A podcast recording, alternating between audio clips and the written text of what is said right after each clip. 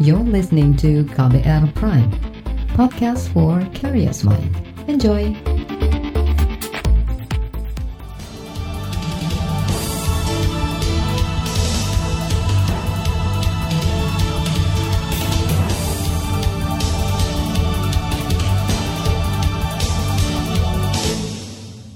Selamat pagi saudara, kembali kami menjumpai Anda melalui program Buletin Pagi KBR edisi Jumat 22 Mei 2020 bersama saya, Reski Mesanto.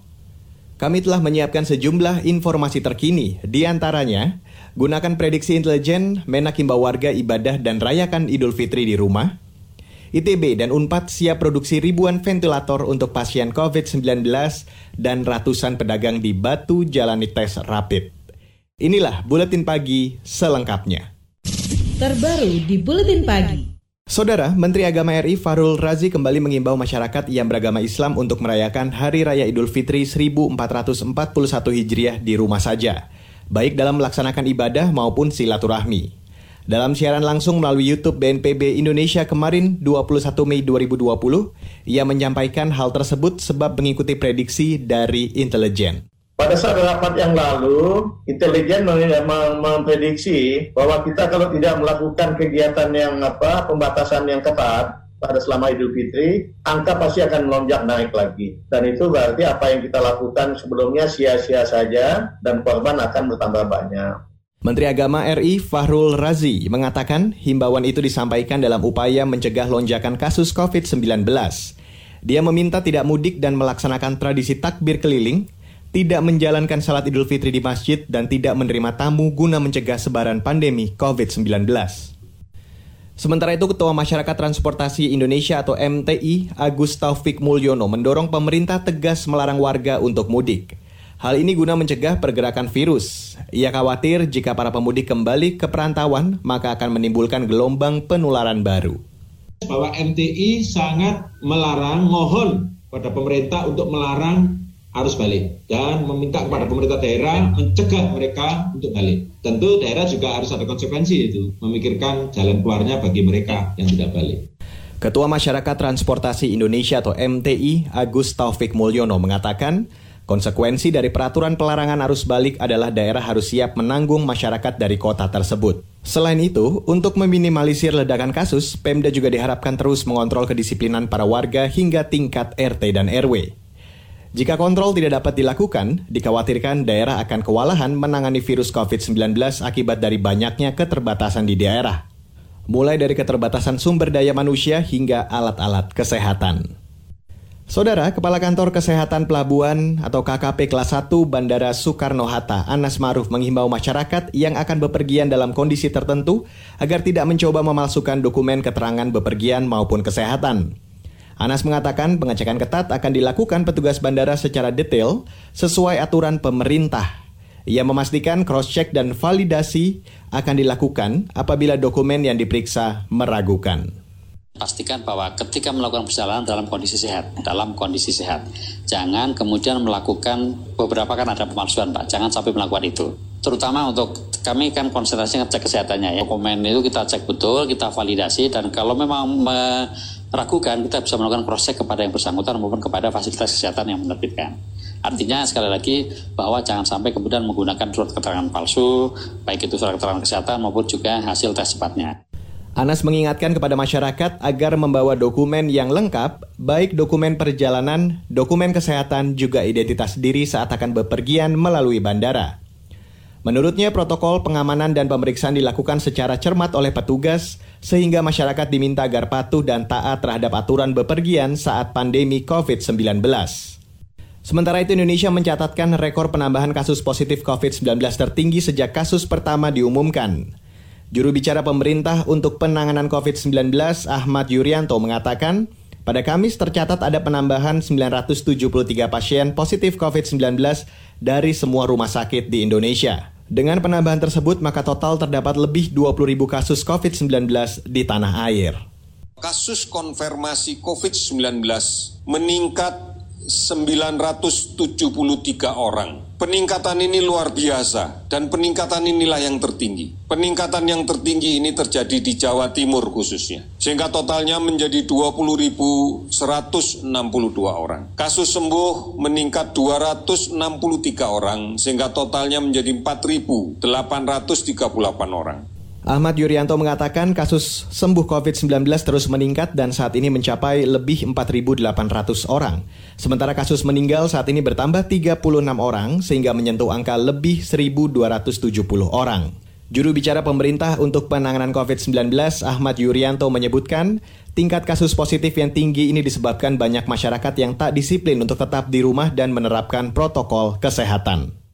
Masih soal pandemi, Penasihat senior Organisasi Kesehatan Dunia atau WHO, Dia Satyani Saminarsih mengungkapkan, hambatan pembuatan vaksin COVID-19 di Indonesia disebabkan karena virus ini baru dan belum dikenali. Selain itu, kata dia, obat antivirus yang dibutuhkan berbeda-beda pada tiap-tiap kasus tergantung tingkat keparahannya. Meski begitu, Indonesia telah bergabung dengan uji coba global atau Solidarity Trial atau ST yang memungkinkan penemuan vaksin lebih cepat.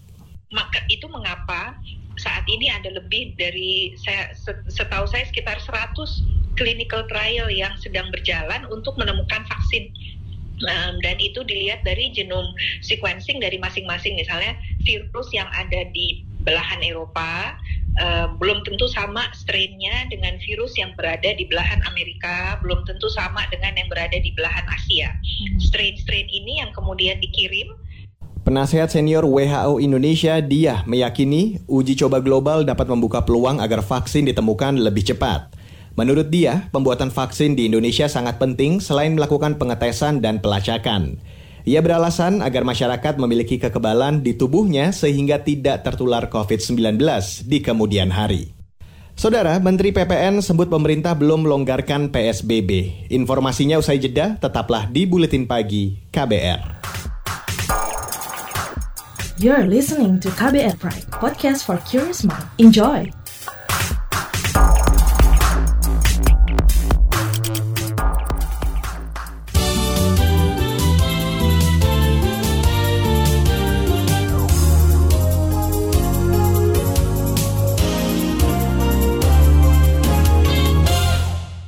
Menteri Perencanaan Pembangunan Nasional atau PPN Bapenas Suharso Monoarfa menegaskan, pemerintah belum memutuskan pelonggaran pembatasan sosial berskala besar atau PSBB seperti isu yang beredar beberapa hari terakhir. Menurutnya, pemerintah masih mencermati dan melihat perkembangan penyebaran COVID-19 di seluruh daerah. Tidaklah tepat kalau dikatakan uh, pemerintah tiba-tiba saja akan melakukan pelonggaran uh, pembatasan sosial memang ada 124 kabupaten kota di Indonesia yang daerahnya itu daerah hijau. Tetapi eh, kapan dan eh, bagaimana cara kita bisa eh, memulai eh, agar mereka bisa juga eh, hidup dalam keadaan yang biasa, tetapi tetap dengan protokol kesehatan. Menteri Perencanaan Pembangunan Nasional atau PPN Bapenas Suharso Monoarfa mengatakan, sekalipun ada pelonggaran atau penyesuaian PSBB pada masa normal baru, itu akan dilakukan secara bertahap. Penentuannya akan mempertimbangkan beberapa hal, mulai dari mengikuti rujukan WHO hingga mendiskusikannya terlebih dahulu dengan para ahli. Saudara, Institut Teknologi Bandung atau ITB dan Universitas Pajajaran atau UNPAD telah mengantongi surat izin edar untuk produk ventilator portable CPAP VEN 1. Ventilator merupakan alat bantu pernapasan bagi pasien. Jubir Salman ITB Hari Utomo mengatakan VEN 1 telah melewati tahap uji peralatan, uji kinerja, dan uji klinis melalui Kementerian Kesehatan. Uh, kebetulan sudah keluar surat. Jadi yang terakhir kan uji klinis lahan gitu ya. Karena nanti uji klinis itulah yang akan apa, memberikan kesempatan bahwa alat itu memang sudah diuji kepada pasien-pasien di rumah sakit dan hasilnya bagus lahan gitu. Hari tidak menimbulkan bahaya kan gitu. Dan kemarin dari uji di uh, eh, 11 rumah sakit uh, ada rumah Jubir Salman ITB Hari Utomo mentargetkan produksi 1.600 buah ventilator. Sebanyak 600 di antaranya merupakan program bantuan sosial Salman ITB kepada rumah sakit-rumah sakit yang menangani pasien COVID-19. Sementara 1.000 fan satu lainnya untuk komersial. Sejauh ini, rumah sakit di bawah naungan Kementerian Pertahanan, BNPB, dan Kementerian Kesehatan sudah memesan alat tersebut. Sementara itu, pengamat kebijakan publik Agus Pambagio mendorong pemerintah melakukan 10 tes COVID tiap 1 juta penduduk. Tujuannya sebagai langkah kontrol mobilitas warga yang terlanjur mudik. Dengan begitu, pemerintah dapat menganalisis jumlah penduduk yang terjangkit virus COVID-19. Nantinya, pemerintah dapat membuat aturan lanjutan yang tepat sasaran. COVID-19 ini adalah kasus pandemi kesehatan. Jadi apa pun kebijakan pemerintah yang akan diubah, dia harus berdasarkan scientific evidence. Yang paling mudah adalah 10 ribu tiap 1 juta penduduk itu harus dilakukan. Sehingga angka realnya muncul, baru kita bisa lihat landai, naik, turun, lalu ambil kebijakan. Pengamat kebijakan publik Agus Pambagio mengatakan untuk mengantisipasi lonjakan pertambahan kasus penduduk yang terinfeksi, daerah harus siap dengan hal tersebut. Sebab saat ini dengan adanya pergerakan penduduk saat menjelang lebaran dari wilayah epicenter ke daerah menyebabkan kasus di daerah tujuan mudik bertambah. Saudara, Kementerian Pariwisata memprediksi produk ekowisata di Indonesia akan sangat diminati pasca pandemi COVID-19. Deputi Bidang Produk Wisata dan Penyelenggaraan Kegiatan atau Event Kemenparekraf atau Baparekraf Rizky Handayani dikutip dari Antara menjelaskan, pandemi ini mengubah jenis atau tipe dan pengelolaan destinasi termasuk di dalamnya kegiatan ekowisata. Untuk itu, perlu evaluasi dan penataan ulang pola perjalanan ekowisata yang disesuaikan dengan kondisi normal baru. Menurutnya, kondisi itu akan membuat wisatawan lebih memperhatikan protokol-protokol wisata, terutama yang terkait dengan kesehatan, keamanan, dan kenyamanan. Sementara itu, Direktur Via Via Tour and Travel Sri Mujianti mengatakan, pasca pandemi akan terjadi pola perjalanan wisata baru. Kombinasi alam dan budaya biasanya menjadi pilihan utama wisatawan. Hal ini akan semakin lengkap apabila didukung dengan interpretasi yang kuat di setiap destinasi. Beralih ke informasi ekonomi, defisit anggaran pendapatan dan belanja negara atau APBN hingga April 2020 menyentuh angka 74,5 triliun rupiah. Wakil Menteri Keuangan Suhasil Nazara mengatakan, defisit tersebut masih lebih rendah dibandingkan tahun yang lalu di bulan yang sama. Ia menyebut defisit Januari hingga April mencapai 74,5 triliun rupiah atau 0,44 persen produk domestik bruto atau PDB. Eh, dan defisitnya tercatat 74,5 triliun rupiah.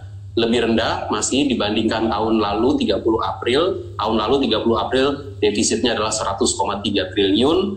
Dan defisit pada tahun ini adalah 74,5 triliun yang merupakan 0,44 persen dari PDB. Ini juga lebih rendah dibandingkan tahun lalu yang pada akhir April sudah mencapai 0,63 persen dari PDB. Wamenkyu Suhasil Nazara menambahkan defisit tersebut merupakan 8,7 persen dari pagu APBN sebesar 852,9 triliun rupiah atau 5,07 persen terhadap PDB. Sementara itu, realisasi pendapatan negara hingga April 2020 mencapai 549,5 triliun rupiah atau baru 31,2 persen dari target. Saudara, PT Pertamina Persero mengungkapkan konsumsi bahan bakar minyak atau BBM mengalami penurunan untuk semua produk dari periode lebaran tahun ini. Penurunan dipicu berkurangnya aktivitas masyarakat karena penyebaran COVID-19 atau virus corona. Juru bicara Pertamina Fajriyah Usman mengatakan, BBM jenis premium, Pertalite, dan Pertamax turun hingga lebih 27 persen dibandingkan kondisi normal. Penurunan juga terjadi pada jenis Aftur hingga 95 persen dibandingkan kondisi normal. Meski permintaan turun, kata dia Pertamina tetap mengoperasikan lebih 7.000 SPBU yang tersebar di seluruh Indonesia. Pertamina juga memenuhi stok di seluruh tangki untuk melayani permintaan BBM. Saudara, laporan khas KBR tentang kisah pasien 02 berjuang lawan COVID lewat terapi seni akan hadir usai jeda. Tetaplah di Buletin Pagi KBR. You're listening to KBR Pride, podcast for curious mind. Enjoy!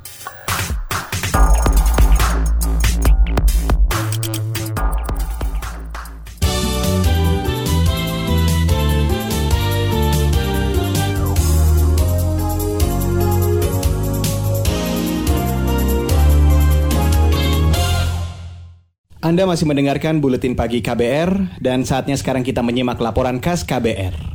Saudara, kisah penyintas COVID-19 kali ini menghadirkan pasien 02, Maria Darmaningsih.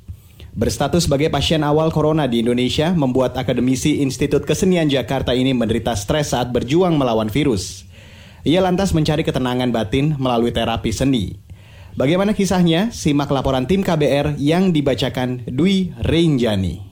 Saya merasa bahwa, aduh ini udah jalannya nih, saya udah mau pulang gitu rasanya. Dan rasanya udah melihat jalan pulang gitu. Itu tadi ungkapan Maria Darmaningsih, penyintas COVID-19. Pasien 02 ini mengingat saat pertama kali difonis terjangkit corona. Ia sempat merasa penyakit inilah yang bakal merenggut hidupnya. Maria bersama dua anaknya merupakan pasien-pasien awal kasus positif COVID di Indonesia. Stres juga karena saya juga belum percaya kalau sebetulnya saya sakit karena saya merasa cuma batuk, nggak suka makan, dan waktu itu pengetahuan tentang COVID juga belum tahu ya. Maria dan anaknya Sita Tiasutami mulai merasakan gejala COVID sejak pertengahan Februari lalu. Mereka lantas berinisiatif memeriksakan diri karena memiliki riwayat kontak dengan warga negara Jepang yang positif corona. Ya waktu itu kebetulan saya dengan anak saya mengalami sakit yang agak aneh dan kami belum tahu apa itu. Kemudian kakak saya yang di Austria selalu mendorong kami bertiga untuk uh, memeriksakan diri. Tapi tentu saja waktu itu kan belum siap ya kita semuanya dan akhirnya setelah uh, anak saya memaksa dan juga saya memaksakan, kemudian kami di RSPI dan dinyatakan positif. Itu hadiah yang luar biasa tuh kayaknya. Anak Maria yang lain Ratri Anindya Jati menjadi pasien 03 setelah dinyatakan positif COVID, meski tak bergejala. Mereka bertiga diisolasi selama beberapa pekan di Rumah Sakit Penyakit Infeksi RSPI Sulianti Saroso, Jakarta. Selama dirawat, Maria tak luput dari stres. Berstatus sebagai pasien awal COVID, membuat semua mata tertuju padanya. Dalam waktu singkat, identitas dosen senitari Institut Kesenian Jakarta (IKJ) ini pun ikut bocor ke publik. Maria berupaya mengurangi amarahnya dengan kegiatan melukis. Ia berkonsultasi dengan koleganya, Ina Suryadewi, yang juga pakar terapis. Dan kebetulan kami berdua memang dari dosen IKJ dan yeah. kami penari juga, jadi memang dekat dengan kesenian ya. Coba deh mbak eh, gambar-gambar gitu. Terus saya dikirimin uh, alat-alat gambar yeah, dan yeah. segala macam. So akhirnya saya gambar juga seperti mau marah, mau apa. Ia mengkombinasikan kegiatan melukis sambil mendengarkan musik. Maria mengaku mendapat ketenangan batin dengan terapi ini. Berekspresi aja semaunya gue gitu. Terus uh, saya karena penari saya sering mendengarkan lagu dan mengekspresikan diri. Ini Ave Maria, terus ada lagunya Chopin Kemudian ada lagunya Erik Sati. Ini saya merasa saya di lingkaran ini dan lama-lama saya mendapat ketenangan di dalam gitu. Kalau e, menari, jadi saya sama ekspresinya saya mendengarkan lagu, kemudian saya mengekspresikan diri. Nah, ketika melukis juga gitu mendengarkan lagu terus ya saya ngikutin aja gitu. Jadi flowing kan saya penari Jawa kan yeah. nari Jawa flowing gitu jadi memang semuanya itu jadi menjadi flowing juga bukan garis keras gitu Maria juga sering berkomunikasi dengan putrinya melalui aplikasi percakapan. Mereka saling menyemangati agar tidak terkungkung dalam stres berkepanjangan. Tapi menghibur banget dan merasa bisa ada yang keluar, ada energi yang keluar dan itu sangat positif. Selain juga saya sering bercanda-bercanda eh, membuat uh, sesuatu supaya kita bisa tertawa gitu juga saya bersama anak-anak kami lakukan bersama WhatsApp keluarga gitu. Karena ketika kita bahagia imun kita pasti naik dan itu yang sangat penting gitu. Maria dan kedua anaknya akhirnya mampu melewati ujian Covid pada pertengahan Maret lalu. Berstatus sebagai penyintas, mereka bertiga terpanggil untuk berbagi pengalaman menaklukkan virus. Mereka juga aktif menggalang bantuan bagi tenaga medis garda terdepan. Beberapa lukisan Maria selama isolasi kemudian dicetak dan dijadikan tas untuk mendistribusikan bantuan tas yang kami buat berdasarkan lukisan itu di dalamnya nanti kami isi dengan berbagai health supplement yang akan kami berikan kepada suster dan dokter di RSPI Sulianti Saroso. Kami bertiga berterima kasih sekali dengan semuanya yang telah merawat kami selama itu. Bagi Maria, masa isolasi baik di rumah sakit maupun di rumah memberinya banyak pengalaman berharga. Ia seperti diberi kesempatan untuk merenung dan menggali diri lebih dalam. Berarti ketika kita di rumah itu saatnya kita mengulik diri. Apa sih sebetulnya kemampuan kita?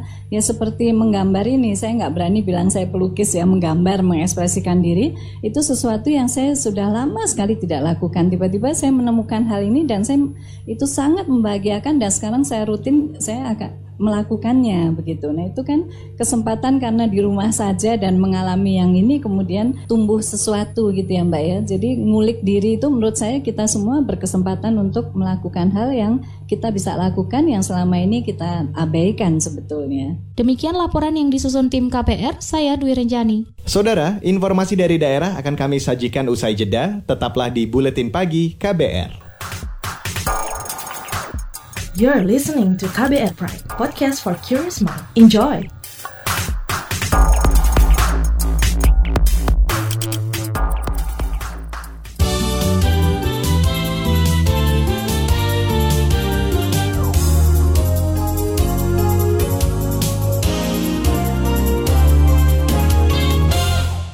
Inilah bagian akhir buletin pagi KBR.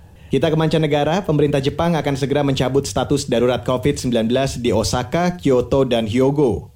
Menteri Ekonomi Yasutoshi Nishimura mengatakan, pencabutan dilakukan karena kasus infeksi yang terus menurun. Di Osaka, bahkan kasus baru tidak terjadi lagi. Nishimura percaya pencabutan akan berlangsung aman di tiga kota itu. Kata dia, dalam beberapa hari terakhir, rasio penularan tercatat 0,5 per 100 ribu orang – Selain itu kata dia, layanan medis juga sudah berada di bawah kendali. Sementara Tokyo dan empat prefektur lainnya, termasuk Hokkaido, akan tetap berada di bawah status darurat. Penyebabnya rata-rata rasio kasus infeksi di atas 0,5 per 100 ribu warga. Saudara, pemerintah Kabupaten Rembang, Jawa Tengah mengimbau umat Islam di Kabupaten Rembang untuk tidak melaksanakan kegiatan takbir keliling. Bupati Rembang Abdul Hafiz menyatakan sebaiknya takbir dipusatkan di musola maupun masjid saja. Mengingat kondisi saat ini masyarakat masih harus mewaspadai penyebaran COVID-19. Hal senada juga disampaikan Kapolres Rembang Doli A. Primanto.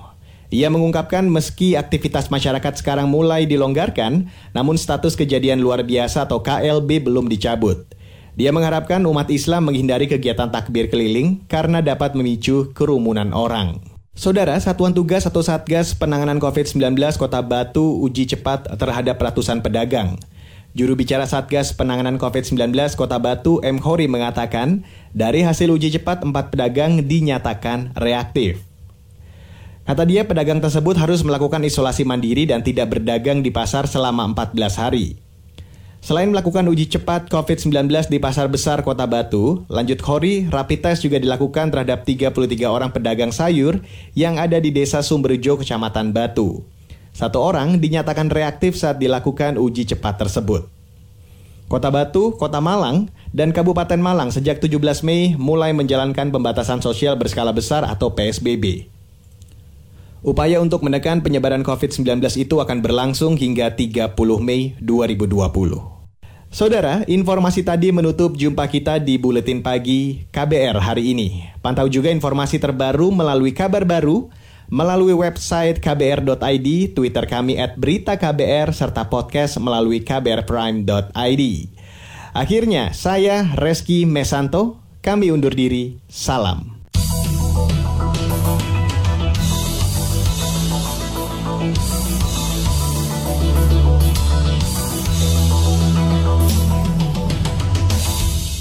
KBR Prime, cara asik mendengar berita.